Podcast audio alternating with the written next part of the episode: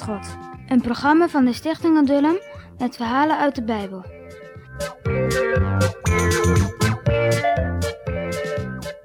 Het schip van Noach. De mensen leefden in de tijd van Adam en Eva, maar ook daarna nog heel erg lang. Veel langer dan nu. En eer Adam stierf, waren al heel veel mensen op aarde. Allemaal kinderen en kleinkinderen van de eerste mensen. En allemaal met zulk net zo'n boos hart als de eerste mensen.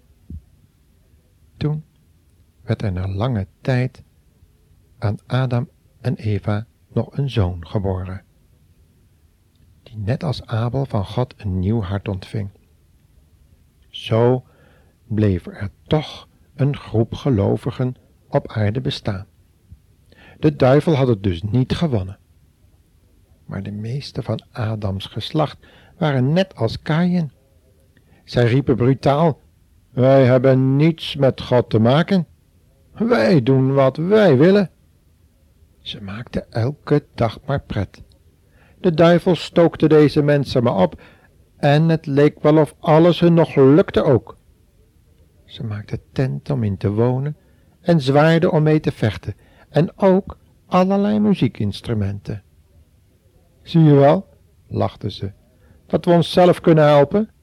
We hebben God helemaal niet nodig. Wat is het nu? Bestaat God echt? Of is dat fantasie? Hoe weet ik nu of God er is, terwijl ik hem niet zie?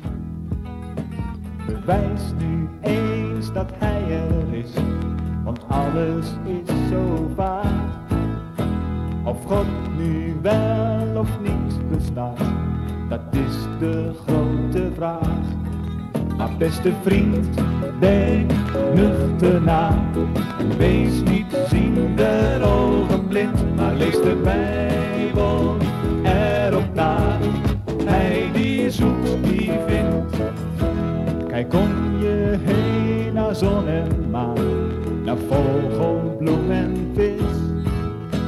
Ja, de natuur bewijst je zelfs dat er een schepper is. Of moet God soms een etiket gaan plakken op iedere bloem? Met made by God erop gedrukt, zou dat het beter doen. Maar beste vriend, denk nuchter na en wees niet ziende ogen blind, maar lees de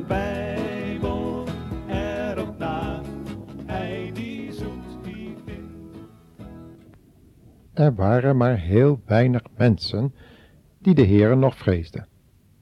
Dat was in het geslacht van Seth. Zij deden niet met al die feesten mee, ook niet met spotten met de Heere.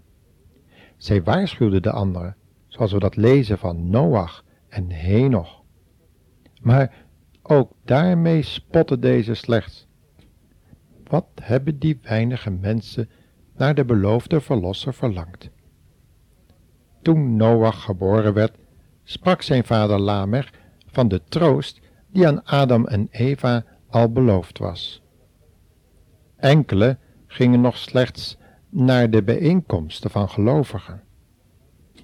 En zelfs daarbij waren er nog die met de wereld meededen. Dat was het ergste. Noach echter vreesde de Heere met zijn gehele hart. En de Heere zei tot hem dat hij de mensen niet langer wilde aanzien. Hij wilde de hele aarde onder een grote watervloed bedekken en een nieuw geslacht maken. Daarom zei de Heere tot Noach dat hij de mensen en de dieren nu van de aarde zou wegdoen, maar, maar hem en zijn huis zou hij willen behouden, omdat ze rechtvaardig waren. Daarom moest Noach een heel groot schip bouwen. Een groot drijvend huis met een dak erop. Dat noemde men een ark.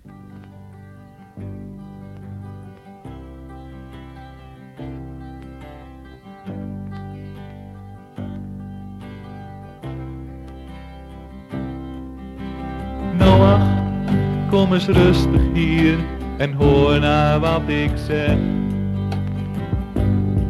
Al die mensen hier, ze gaan hun eigen weg. En nu berouwt het mij dat ik hen heb gemaakt.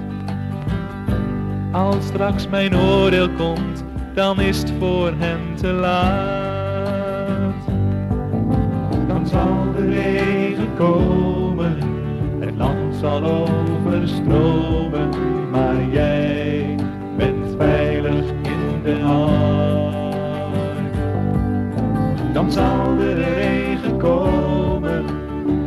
zal overstromen, maar jij bent veilig in de.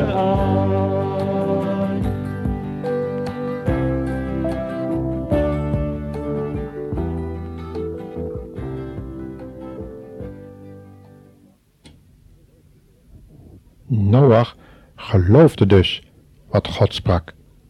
En hij begon er direct aan te bouwen.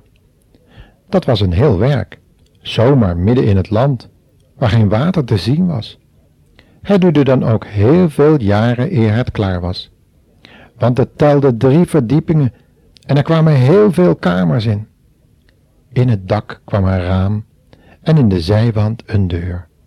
En al die tijd waarschuwde Noach de mensen om toch niet zo goddeloos te zijn. Denk erom, jullie zullen allemaal moeten verdrinken, als je je niet bekeert. God laat die watervloed komen. Geloof het maar gerust. Bid toch om een nieuw hart. Maar de mensen deden niet anders dan met zijn woorden en zijn werk spotten. En dus spotten zij met God. Ze lachten. Hij is niet wijs, zeiden ze. Wie bouwt er nu een schip op het land? Eindelijk was het klaar. Noach, waar is het water nu? vroegen de mensen. Maar Noach sprak niet meer, want nu was Gods tijd gekomen.